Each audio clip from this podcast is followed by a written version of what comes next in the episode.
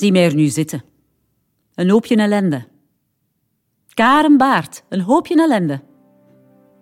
Ja, deze keer heb ik echt geen zin om de schijn op te houden en te doen alsof het mij allemaal niet raakt.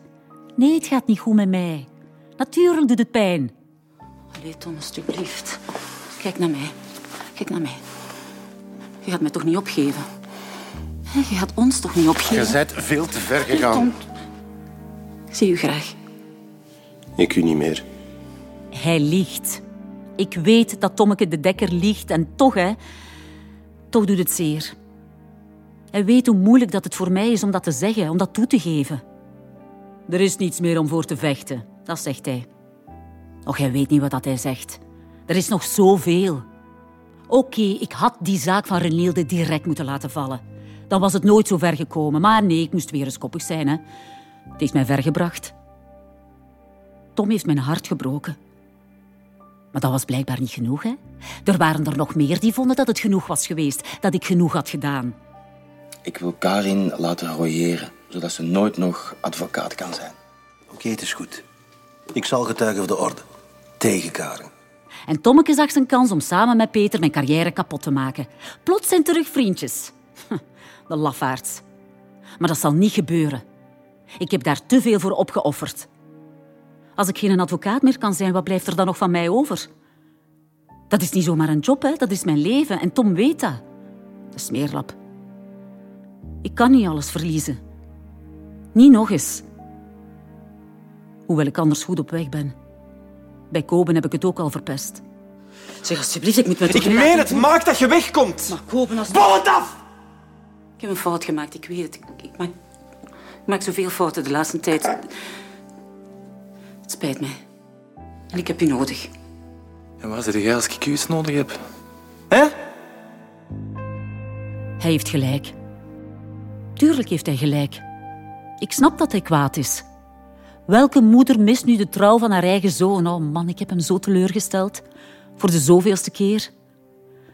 Ah. Maar ik doe mijn best. Ik doe echt mijn best. Ik weet dat je denkt dat ik niet beter verdien. Dat ik eindelijk krijg waar dat ik om gevraagd heb, mijn verdiende loon. Je denkt waarschijnlijk dat ik iedereen bewust kwets? Dat ik alles kapot maak en er ook nog plezier aan beleef? Dat is niet zo, hè? Echt niet. Maar soms... Ja, soms heb ik geen andere keuze. Dat is wie ik ben. Of toch, wie ik geworden ben. Want ik ben niet altijd die ijskoude bitch geweest, hè? Ik ben zo geworden. Door Steven. Door wat wij samen hadden en door hoe het is afgelopen. Ik zoek geen excuses, hè. absoluut niet. Ik neem de volle verantwoordelijkheid voor alles wat ik gedaan heb. Maar Steven... Steven heeft mij veranderd. Ik hoef geen medelijden, maar ik zou zo graag hebben dat je ook eens naar mijn verhaal luistert. Geef mij die kans. En oordeel daarna over mij en over alles wat ik gedaan heb.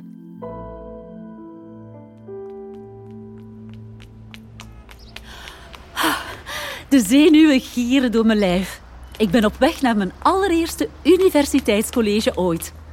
Ik zit in het laatste jaar van het middelbaar en ik kom al eens proeven van het leven dat op mij wacht. Geschiedenis van het publiek recht. dat klinkt waarschijnlijk dodelijk saai, maar voor mij was het dat absoluut niet. Het was mijn grote droom om rechten te studeren. Nog eventjes geduld en dan is het eindelijk zover. Ah, vanaf de eerste keer dat ik door die gangen liep, voelde ik mij daar direct thuis. Ik kon niet wachten om die idiote klasgenoten van het middelbaar achter mij te laten. Ze deelden mijn ambitie toch niet. Die begrepen dus niet waarom ik op een woensdagnamiddag vrijwillig naar een les ging. Nee, zij gingen liever rond aan een krantenwinkel om te flirten met jongens die vol met puisten stonden. ik had wel iets beters te doen. Ik had een doel voor ogen. Ik zou advocaat worden.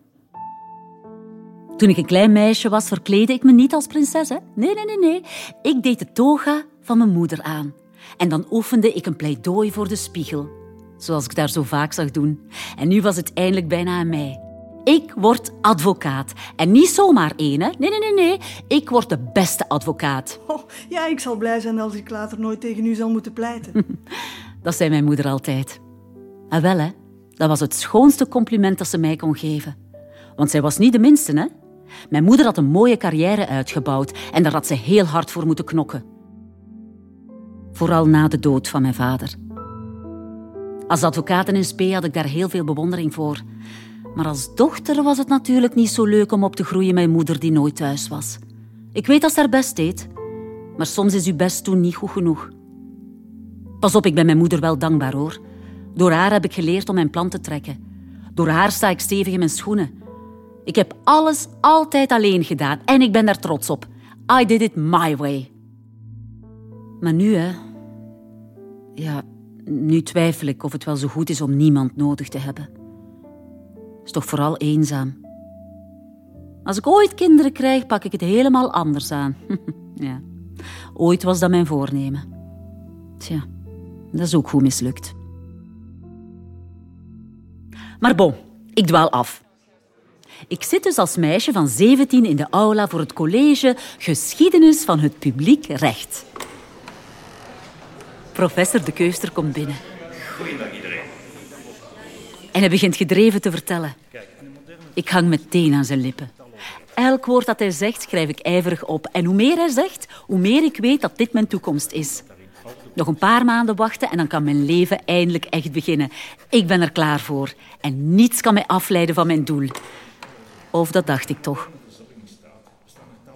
Iedereen kijkt plots naar links. Hmm, komt een hele knappe jonge man binnen. De meisjes voor mij beginnen te giechelen. Maar ik weet nog wat ik dacht. Hmm, zo'n nonchalant type dat niet eens de moeite neemt om op tijd te komen. En hij ging dan ook nog eens op de laatste rij zitten. Ja, typisch. En toch, hè. Toch kon ik het niet laten om naar hem te kijken. Hij zag er ouder uit. Hmm, ik had mijn conclusie al direct klaar.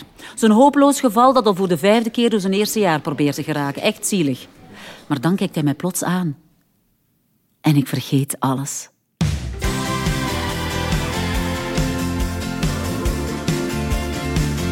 Aflevering gemist? Herbeluister Ik Karin nu via de Radio 2-app.